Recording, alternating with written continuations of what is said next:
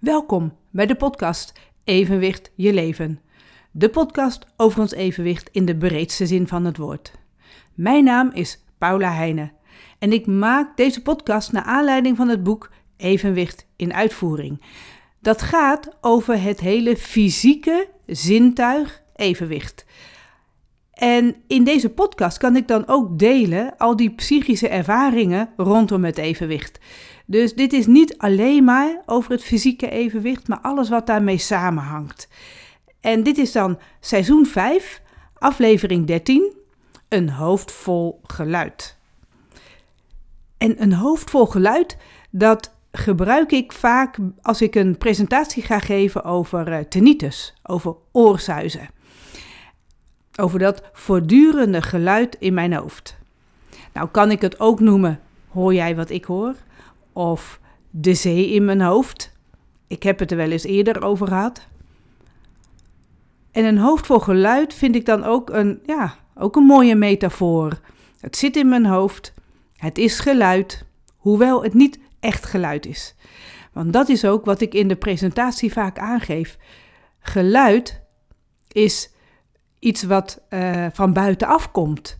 En wat dan door onze oren naar de hersenen gaan. En op het moment dat het in de hersenen aankomt, in dat auditieve deel in de hersenen, dan pas weten we wat we gehoord hebben. Maar het komt altijd van buitenaf. En dat oorzuizen, dat is ergens wat binnenin gebeurt. Hoe, hoe werkt dat dan? Dat weten we nog steeds niet. Maar waar ik het vandaag over wil hebben, is over als ik zo'n presentatie ga houden in dit geval dus over de tinnitus, dan krijg ik daar eerst de vraag voor: van kan jij een, daar een presentatie over, uh, geven? Dan wordt er een datum afgesproken, een tijd en zo, uh, of het live of online is.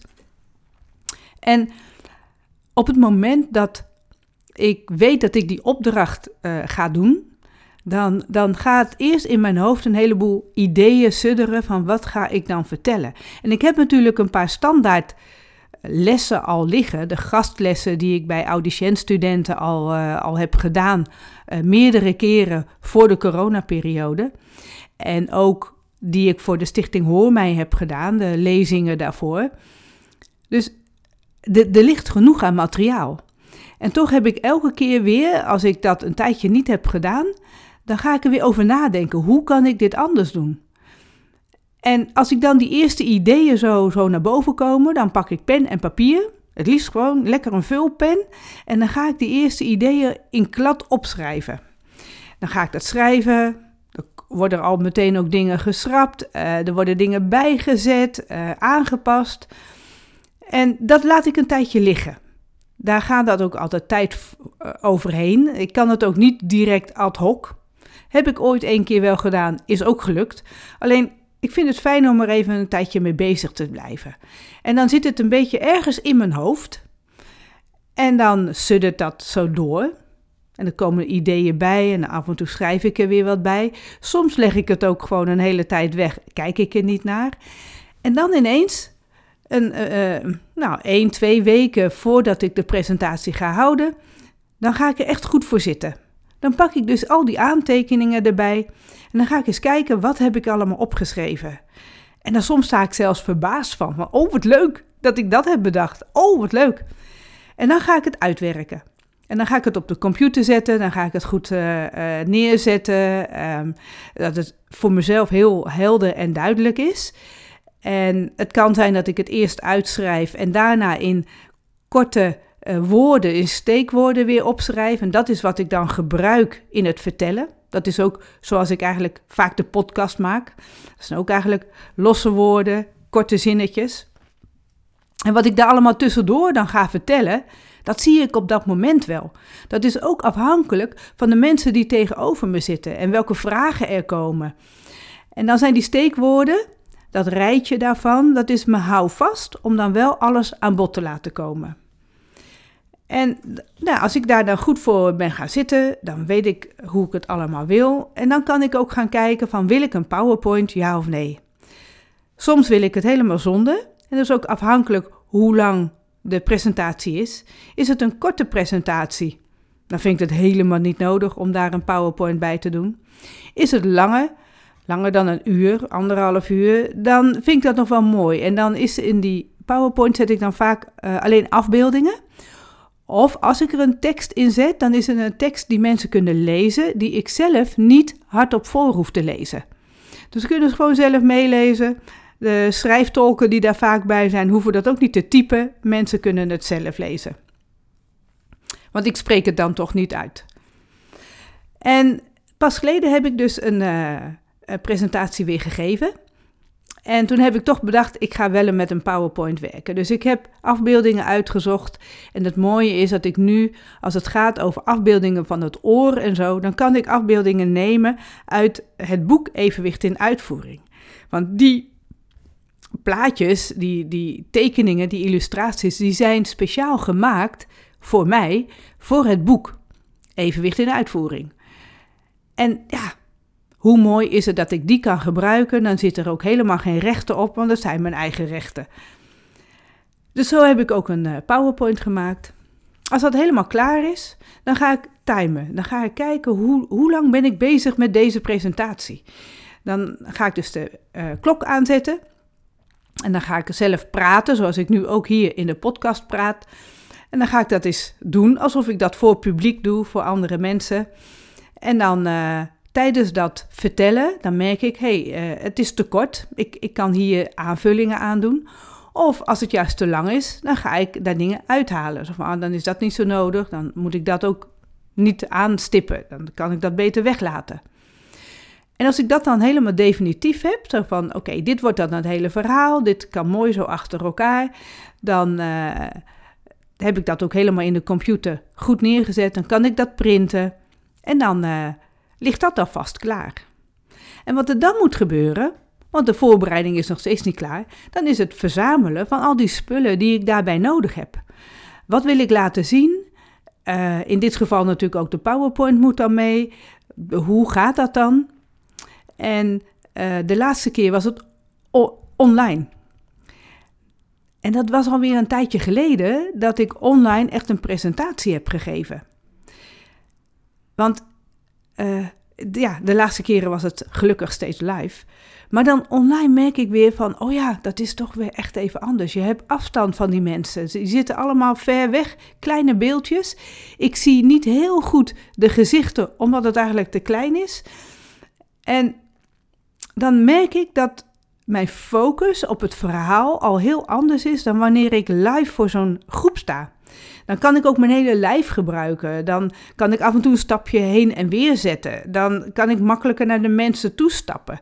Uh, en dat kan niet als dat natuurlijk uh, online gebeurt. Dan sta ik wel aan mijn staattafel. Net zoals ik nu ook de podcast opneem. Vind ik altijd nog fijner omdat het me meer bewegingsvrijheid geeft. En ik merk ook wel dat als ik sta, ben ik wel meer gefocust dan wanneer ik zit. Dus dat scheelt wel. Het voordeel van online is dan wel weer dat het gewoon s'avonds kan en dat ik gewoon in huis kan blijven. En dat ik dan, uh, ja, dan kun je even vijf minuten pauze tussendoor houden. Maar dan is het genoeg tijd om even beneden een kopje koffie te zetten, even naar de wc te gaan. En dat kan makkelijk in die vijf minuten. Ben je ergens live, dan is vaak de pauze alweer veel langer. Want uh, ja, dan is de, de weg naar de wc is langer, uh, ergens iets, iets, te drinken halen. Het kost allemaal net even wat meer tijd. Je wil mensen even tussendoor even aanspreken of mensen spreken jou aan. Dus dan, uh, en ook als je live bent, dan heb je natuurlijk altijd die reistijd. Je moet ergens naartoe. Uh, dan moet je afspreken waar dat dan is. Er moet ook een ruimte zijn waar al die mensen bij elkaar komen. Dus er moet, aan, aan de andere kant moet er ook heel veel georganiseerd worden, zodat ik daar dan ook die presentatie kan geven. Dan is het veel makkelijker als je dat online doet, want dat doet iedereen vanuit zijn eigen huis. Of vanaf zijn vakantieplek, of vanaf zijn werkplek, waar, het ook maar, waar ze dan ook maar zijn. Dus ja, het heeft allebei voor- en nadelen. Oké, maar in dit geval ging het over uh. En het was bij de Stichting Plotsdoven in samenwerking met Let's Talk.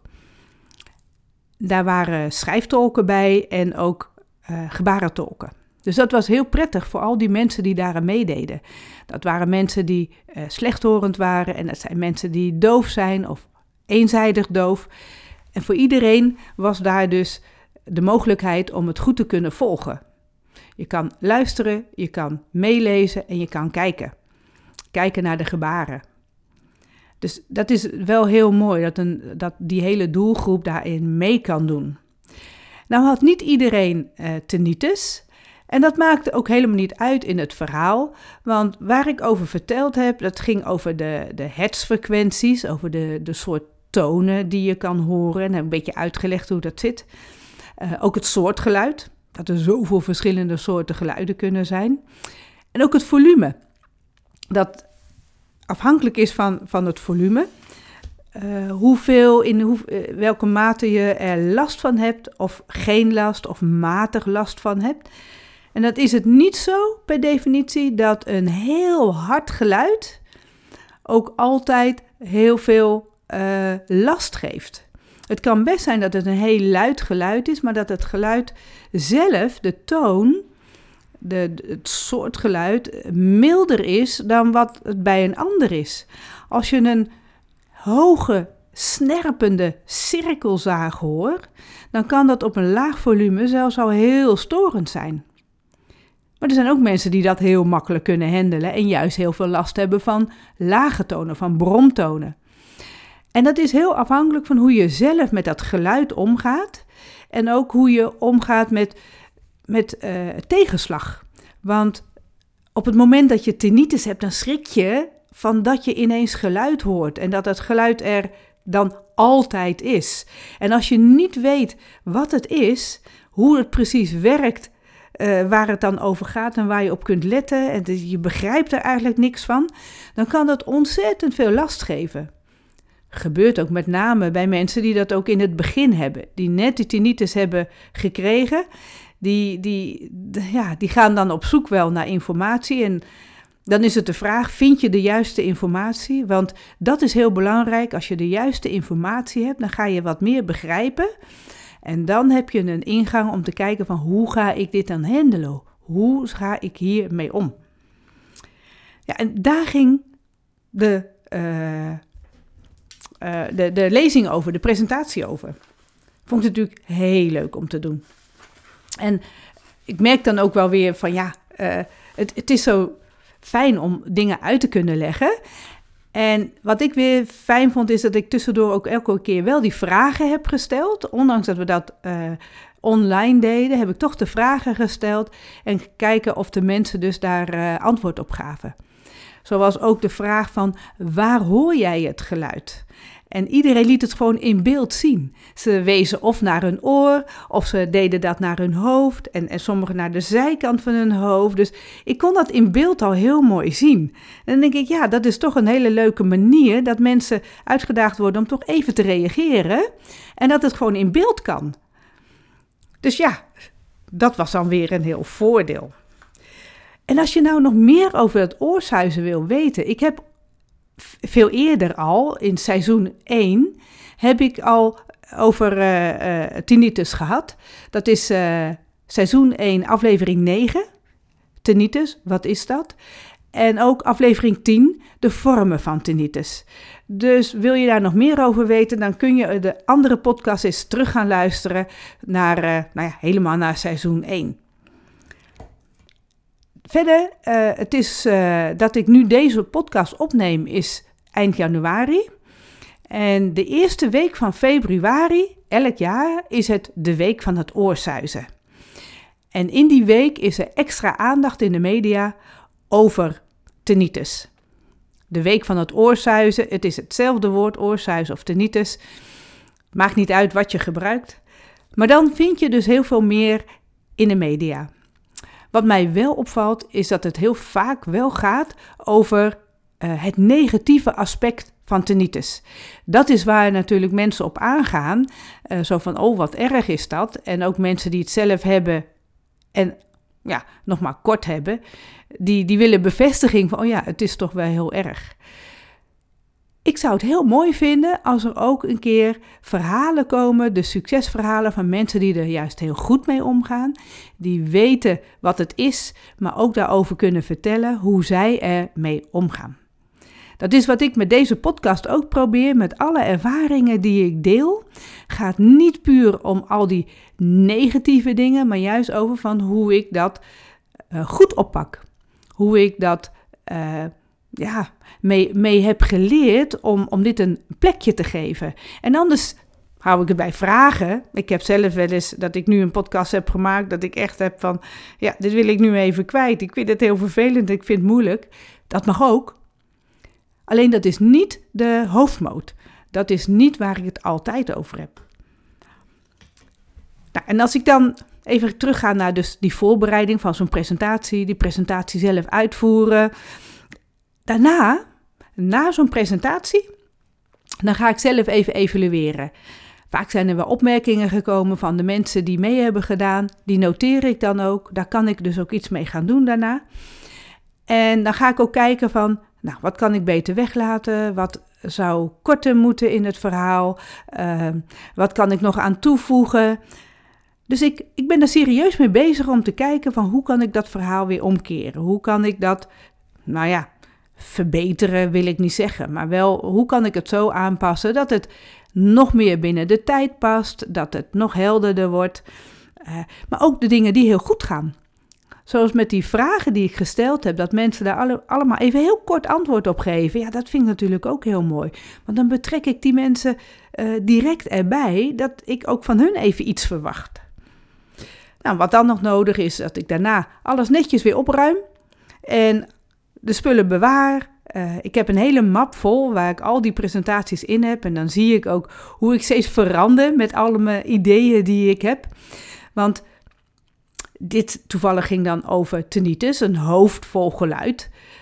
Maar het is eerder die zee in mijn hoofd. Ik heb altijd een hoofd vol gedachten, vol met allerlei ideeën. Uh, hoe het ook kan, hoe het anders kan. En ja, heerlijk om, om daarmee bezig te zijn. Dus ik, ik wil nog veel meer uh, dat, dat laten horen, daarover vertellen. Uh, dat samen met mensen te gaan doen. volgende week dat is nu, dat is eind januari, ben ik bij de Audiologie Marathon. En daar ga ik drie workshops geven. En dan gaat het over hoe ik radio maak en hoe ik podcast maak als slechthorende. Nou, daar kan ik ook een keer over komen vertellen hier in de podcast. En dat vind ik ook weer leuk. Daar ben ik mee bezig geweest. En ook op diezelfde manier. Eerst van tevoren in klad een heleboel opgeschreven. Later gaan uitwerken. En ja, dan op een gegeven moment heb ik een soort definitief verhaal van dit gaat het worden. En dan zal je zien, dan sta ik daar voor die zaal. Ik doe het drie keer. Ik denk dat het drie keer een ander verhaal gaat worden. Het zal nooit precies hetzelfde zijn. Het heeft dan te maken met de interactie die ik heb met de mensen die daar zitten. Audiciëns, audiologen, mensen in dat audiologievak. Dus ben ik heel benieuwd naar hoe dat weer gaat. En daar kan ik helemaal naar uitkijken. Nou, dit was seizoen 5 Aflevering 13, een hoofd vol geluid. Maar het ging eigenlijk een beetje meer over de voorbereidingen van als ik ga vertellen over een hoofd vol geluid. Dankjewel voor het luisteren en tot de volgende keer.